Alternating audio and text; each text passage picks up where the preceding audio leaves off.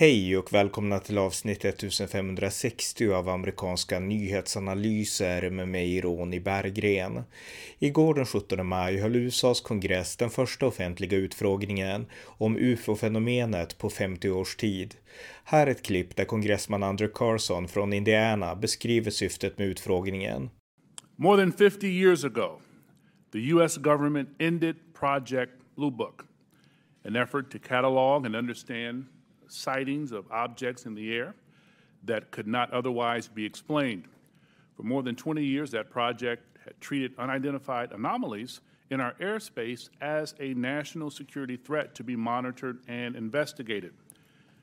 In 2017, we learned for the first time that the Department of Defense had quietly restarted a similar organization tracking what we now call unidentified aerial phenomena, or UAPs. Last year, Congress re- rewrote the charter for that organization, now called the Airborne Object Identification and Management Synchronization Group, or AIMSOG for short. Today, we will bring that organization out of the shadows. This hearing and oversight work has a simple idea at its core. Unidentified aerial phenomena are a potential national security threat and they need to be treated that way. For too long, the stigma associated with UAPs has gotten in the way of good intelligence analysis. Pilots avoided reporting or were laughed at when they did. DoD officials relegated the issue to the back room or swept it under the rug entirely, fearful of a skeptical national security community. Today, we know better. UAPs are unexplained, it's true, but they are real. They need to be investigated and many threats they pose need to be mitigated. Under Secretary Moultrie, Mr. Bray, uh, thank you for coming today. Um, first, we need you to update us. One final note we are mindful today that AIMSOG is not starting from scratch. This is the third version of this task force in DoD, and civil society groups like the Mutual UFO Network, uh, Mr. Corbell, and others have been collecting data on this issue for years. I hope you'll explain how you can leverage the knowledge and experience of our prior work on this matter to move the AIMSOG along. The last time Congress had a hearing on UAPs was half a century ago. I hope that it does not take 50 more years for Congress to hold another because transparency is desperately needed. Här följer ett samtal med kriminalinspektör Thomas Persson som driver podcasten UFO bortom rimligt tvivel, som jag även intervjuade om detta ämne förra året, som berättar om kongressförhöret och det i USA växande politiska intresset för UFO-fenomenet. Varmt välkomna! Thomas Persson, välkommen! Tackar! Eh, vi poddade ju förra året, det var i juli förra året, om eh, ufon och om, mm. eh, då var det Pentagons nya eh, rapport om ufo-observationer och det är så här att du driver en podcast som handlar om, ja, ufon eller oidentifierande, det heter något annat nu, inte ufon, men det är det andra man säger här. UAP. Precis, just det. Och din podcast heter? UFO bortom rimligt tvivel. Just det, hur går det för, för er, för ni två kan sägas? Jo då, det går väl eh, helt okej. Okay. Det är växande intresse. Så det är ju några tusen som är intresserade av det här i det här landet. Men det är ju ganska dött i mainstream media. Så att eh, det finns inte så många röster att välja på. Så det är kanske det som gör att det är många som lyssnar på oss. Mm.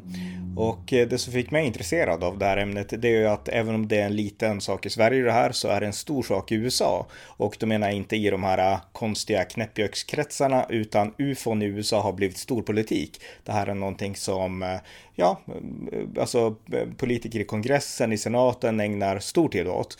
Och jag tänkte om vi skulle uppdatera, eller vi kan börja med det, ta avstamp i det senaste i liksom det amerikanska politiska intresset för ufo-fenomenet. Mm till att börja med så är det ju mycket mindre knäppjökar än vad folk tror eh, till att börja med eh, på det här ämnet. Det, det, visst, det finns några sådana exempel men i huvudsak så är det mest en missuppfattning att det bara är knäppjökar. Eh, så har det alltid varit. Eh, men kongressen de beställde ju en rapport som kom i midsomras och den eh, var ju bara en, det var en ganska undermålig rapport och den sa inte så mycket. Den underspela ämnet rätt rejält. Men eh, Nu är det ju flera toppolitiker som driver den här frågan för att de har fått massor av information och eh, har förstått signifikansen och betydelsen av det här. Marco Rubio är väl en av de absolut främsta ehm, och på andra sidan har vi Kirsten Gillibrand. De två och sen finns det ett gäng, eh, gäng till som som driver den här frågan som är insatta och eh, nu eh, igår så hade de första eh, kongressförhören, utfrågningarna sedan 1966 på det här ämnet. Så det är en stor sak. Ehm, och det här skulle handla då om eh, säkerhetsunderrättelsekommittén skulle utfråga Pentagons talespersoner. Eh, de skaffade en grupp då i slutet på förra året som heter AOIMSG. En eh, väldigt krånglig akronym för den här UFO-undersökargruppen som förut hette UAP Task Force. Men nu har de i alla fall um, kommit fram till sin uh, första utfrågning och det kommer rulla på uh, framåt. Det kommer komma fler, men det var ganska kul. Jag hade ganska låga förväntningar. Um, vissa tycker att det var Men du, du såg utfrågningen utfrågning. eller? Ja, ja, jag har sett den. Mm. Um, absolut, den var igår uh, klockan 15 svensk tid. Jag höll på i en och en halv timme. Ja, de, det är då eh, Pentagons uh, UAP-talespersoner som uh, ställs till svars där och det, var, det var inte mycket kvalitet, det, var ganska, det verkade vara ganska oförberett och de spelade upp videos som krånglade eh, och, och, eh, det finns bättre stillbilder från den filmen än vad de hade lyckats presentera igår. Så de gjorde bort sig lite grann om Pentagon tycker man. Eh, de visade även upp en annan film som de försökte klargöra utan att klargöra riktigt om det faktiskt var ufon man såg. De här trianglarna. En film eh, filmad genom eh, mörker glasögon, bildförstärkare eh, som de uttalade sig om som om att de klargjorde det fast när man lyssnar på dem faktiskt sa så klargjorde de det inte alls. Så att, eh, det är eh, Pentagon stretar emot och eh, kongressen har fått upp ögonen för ämnet och vad eh, Department of Defense håller på och smusslar med och hållit på och eh, inte varit ärliga med i eh, 75 år. Mm. Ja, jag läser också, jag läser på Fox News nu en artikel från i, vi ska säga nu, om det är idag till och med. Och eh, när den 17 maj igår och rubriken lyder Defense Department hiding UFO info congress, congressman says there's something else out there och eh, kongressmannen då heter eh, kongressman Tim Burchett och eh, Ja, han är från Tennessee och eh, ja, han var väl en, en som deltog då på den här utfrågningen. Men mm. eh, vad tyckte du? Han, det? Eh, ja. han var nog i publiken bara. Jag kan rekommendera en intervju med honom. Han är en av de som brinner mest för det här ämnet. Han har tagit bladet från munnen rejält på det här. Han har varit intresserad av UFO hela sitt liv, eh, typ.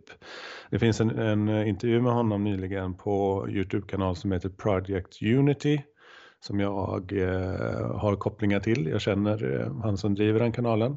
Så gå in på Project Unity och se hans senaste eh, långa eh, intervju med Tim Burchett så kan ni lyssna på en eh, kongressledamot som tar eh, bladet från munnen. Mm. Men det är intressant det du säger och vi har varit inne på det i våra tidigare samtal också att det här är alltså inget litet fenomen för det är så lätt att tro det i Sverige utan det är amerikanska politiker på väldigt hög nivå från båda partier, inte bara republikanerna och inte bara demokraterna utan bipartisans som nu är inne och verkligen vill luska i de här frågorna. Dels vad som är sant såklart, eh, eh, sanningen där ute så att säga, och eh, dels också vad, vad som kanske den amerikanska regeringen har vetat under lång tid. Och jag är ingen sån här, jag är en skeptiker kan sägas väldigt tydligt, men, men det här är intressant och det är inget snack nu om att det är ett större intresse från det offentliga USA än det kanske någonsin har varit. Ja, till att börja med så kan vi konstatera nu att diskussionen huruvida ufo-fenomenet i UFO som i bemärkelsen flygande tefat som i, i flygande tic-tacs och flygande trianglar och sånt. Den, om det är riktigt eller inte, den diskussionen är över. Det är upp till var och en att kolla ordentligt och hitta de eh, bevis, uttalanden och anledningar eh, man vill hitta för att förstå det. Men diskussionen om det är på riktigt eller inte, den är över sedan länge. Mm. Eh, sen är det då frågan eh, vad som ligger bakom det. Eh, och där finns det ju fortfarande en ganska yrvaken diskussion ehm, som är väldigt svår för kongressen och för Pentagon att hantera.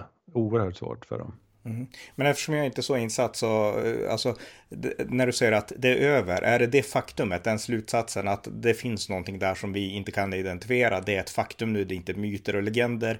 Är det det faktumet då som gör att mm. det här intresset har uppstått bland USAs högsta politiska, ja, högsta politiska instans? Alltså man har vetat det här länge, men de flesta kongressledamöter har inte känts vid ämnet för att de har inte haft kunskap om det. Men det, jag kan ju peka på några stycken eh, de senaste decennierna som har eh, vetat extremt mycket om det här. Harry Reid som gick bort nyligen, eh, John McCain, alla presidenter mm. har känt till det här ämnet. Harry Reid, han var en stor hjälte i det här för han har startat den här processen. Han, han, var, han och Innuende från Hawaii, om du känner till honom. Mm, ja, ja. Mm, mm. mm. Den de första japansk-amerikanska kongressmannen. Mm, precis. Han, de två eh, startade ett... Eh, de, de, de, gav en budget till ett program som hette ASAP för eh, 2007 startade det. Och sen så blev det ett, övergick till ett annat program som heter ATIP. Eh, men det, det, här kom inte fram då förrän 2017 när New York Times eh, drog fram det på första sidan. Eh, och det är, så, det är den processen som vi är i fortfarande. Då. Så att eh, det finns de som har vetat om det här eh, utan att prata om det öppet och det är det vi ser effekterna av nu då. Mm. Just det. Eh, ja, eh, men vad har hänt senast nu då? Alltså om vi bara tar de, den senaste tiden. Det var ett år sedan vi poddade om det här senast. Men vad är det som är inne just nu i, i de här som diskuteras, alltså högst upp mm. på nyhetsrummet? Ja, det, ja, mm. det är eh, de public hearings. De hade ju en och en halv timme eh, publik utfrågning i eh, kongressen och sen hade de, fortsatte de med slutna utfrågningar då efter det. Um, och de, i den öppna delen så pratade de om, eh, de har skaffat rapporteringsskyldigheter och lagstiftning om att uh, militären måste rapportera eller ska rapportera eh, uh, UFO um, ehm, observationer. Så nu har de helt plötsligt 400 stycken rapporter som vi inte vet kvaliteten av, men det är ju bara sedan UIP Task Force kom med sin rapport häromåret så, mm. så har de redan fått in 400 rapporter ungefär.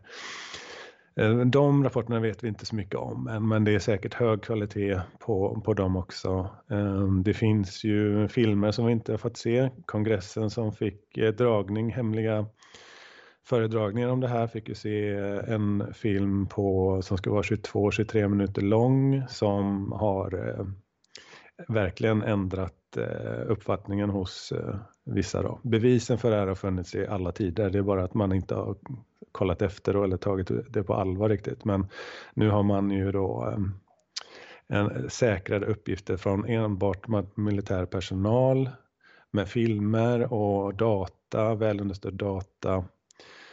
Ehm, så det, det är det som har hänt och utfrågningen gick väl, om man säger så här, kongressledamöterna var mycket bättre på att fråga frågor än vad eh, DoD, eh, Pentagon, var på att svara på dem.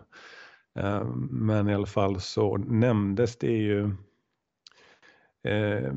om man läser i svensk press så finns det bara en person som, som hörs i mainstream, svensk mainstream media och det är ju DNs Claes Svahn.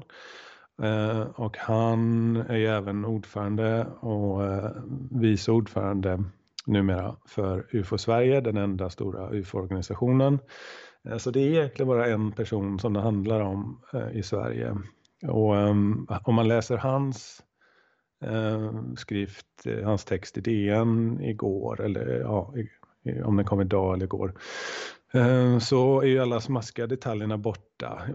Jag vill påpeka det, om man läser den artikeln så ska man lägga till då att eh, i den här utfrågningen igår så nämndes eh, Wilson Document, vilket är väldigt eh, en kontroversiell men väldigt talande historia om hur Admiral Wilson som var chef för JSOC han försökte ta reda på det, de här hemliga UFO-forskningsprogrammen men gick bet och läckte det. Eh, så det har man lagt till protokollet. Eh, Roswell nämndes av ehm, eh, USDI, Undersecretary for Defense Undersecretary of Defense for Intelligence, of Intelligence någonting mm. sånt där. Va? Han nämnde Roswell igår, så det fördes också till protokollet. Um, ja. Uh, han, var, han var alltså med på utfrågningen igår? Ja, han var en av de svarande då. Så han är en del av Undersecretary of, eh, for Defense of Intelligence, eller vad det heter, USDI. Um, ehm, så han uh, tog upp det spontant med Roswell och det är det som är kärnfrågan. Uh, vad som finns i sådana här eh, eh, special access programs, hemliga program och sen finns det ännu hemligare program som är inte alltså unacknowledged special access program som inte ens um, du kommer inte få några svar om du frågar efter dem. Uh, inte ens om du tillhör kongressen. Så om du frågar efter de här programmen så kommer du inte få några riktiga namn på dem och du kommer inte få veta vad de handlar om. Eh, så det, det, det, den här processen handlar om att göra ny lagstiftning för att um, tvinga ut den här informationen och kunskapen som har funnits sen långt innan uh, vi eller våra föräldrar föddes. Mm. Just det. Ja, eh, ja, jag har inte så många, jag har inte så mycket kunskap så jag vet inte riktigt vad jag ska fråga mer. Men vill du berätta någonting? Alltså finns det något mer att berätta som du tycker är viktigt att, att få fram nu i det här och i förhållande till Sverige i synnerhet och där debatten inte alls har kommit lika långt som i USA? Ja, det, det är ju inte kontroversiellt i din podd till dina lyssnare att säga att man inte kan lita på svensk mainstream media. Eh, men det är ju väldigt uppenbart i det här fallet att eh, det, det fungerar inte. Det här, är, det här kommer bli en eh, väldigt stor frågetecken för eh, trovärdigheten hos eh, myndigheter och mainstream media som sitter i samma båt. Och det kommer att bli uppenbart för alla framöver. Men eh, håll ögonen uppe efter eh, vem som tillåts att eh, uttala sig på ämnet och vad som sägs och vad de som med riktig kunskap, de som experter på det här ämnet har eh, hållit, eh, vad de säger. Eh, så, så märker man att det finns ett glapp här i eh, det, det, finns några som lägger locket på den här diskussionen helt klart. Men det finns ju alltså om vi pratar om NASA då till exempel. Jag menar Sverige är ju väldigt, vi är ju intresserade av rymdteknik och vi har för att vara så ett litet land så har vi också en ganska avancerad rymdforskning och liknande och ett rymdprogram. Eh, och vi har ju högst förtroende för NASA. Och eh, ja, alltså NASA, hur ställer de sig till eh, ja, men den här mm. utfrågningen och till hela situationen? Eh, lite kort. De har eh, bytt eh, fot totalt här nu med en ny chef, Bill Nelson, före detta senator. Eller i alla Republikan från Florida. Mm. Mm, mm.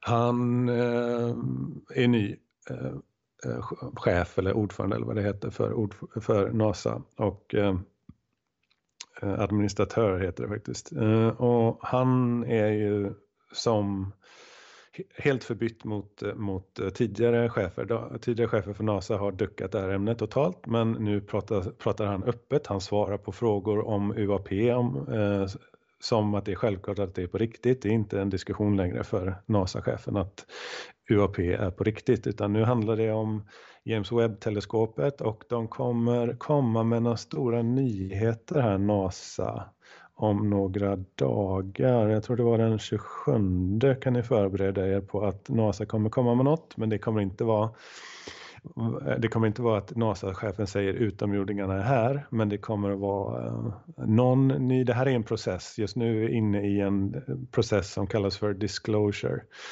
där amerikanska staten eh, kommer att berätta mer och mer pö om pö om det här. Eh, och eh, planen för svensk del är mer att sitta i baksätet och eh, rikta uppmärksamheten mot USA.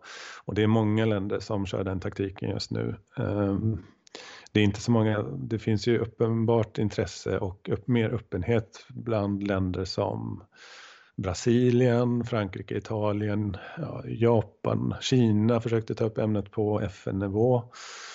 Eh, det gick väl sådär. Eh, de kallar det för femkontinentsprojektet eh, eller någonting sånt där. Men just nu så är det USA, alla blickar mot USA och för att se vad de är villiga att berätta för oss och inte. Mm. Så att det, det, är ändå USA som är liksom, de, är länk, de går i spetsen för hela den här, liksom, om man säger ufo-undersökningsintresset. Mm, exakt så är det. Mm.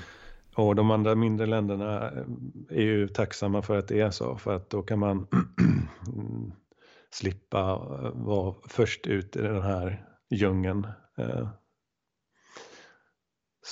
Så det ja. blir spännande att se fortsättningen. Men det kommer bli fler public hearings och det kommer att eh, sluta med, eh, jag pratade med en, en person som har hållit på med aktivism och politisk, eh, politiska göromål på det här området i länge, i många, många decennier och han eh, han tror att det kommer sluta med public hearings, kommer nå tittarsiffror på ja, över fotbolls-VMs finalens storlek. Så, alltså vi pratar om många miljarder kommer att titta på det här till slut.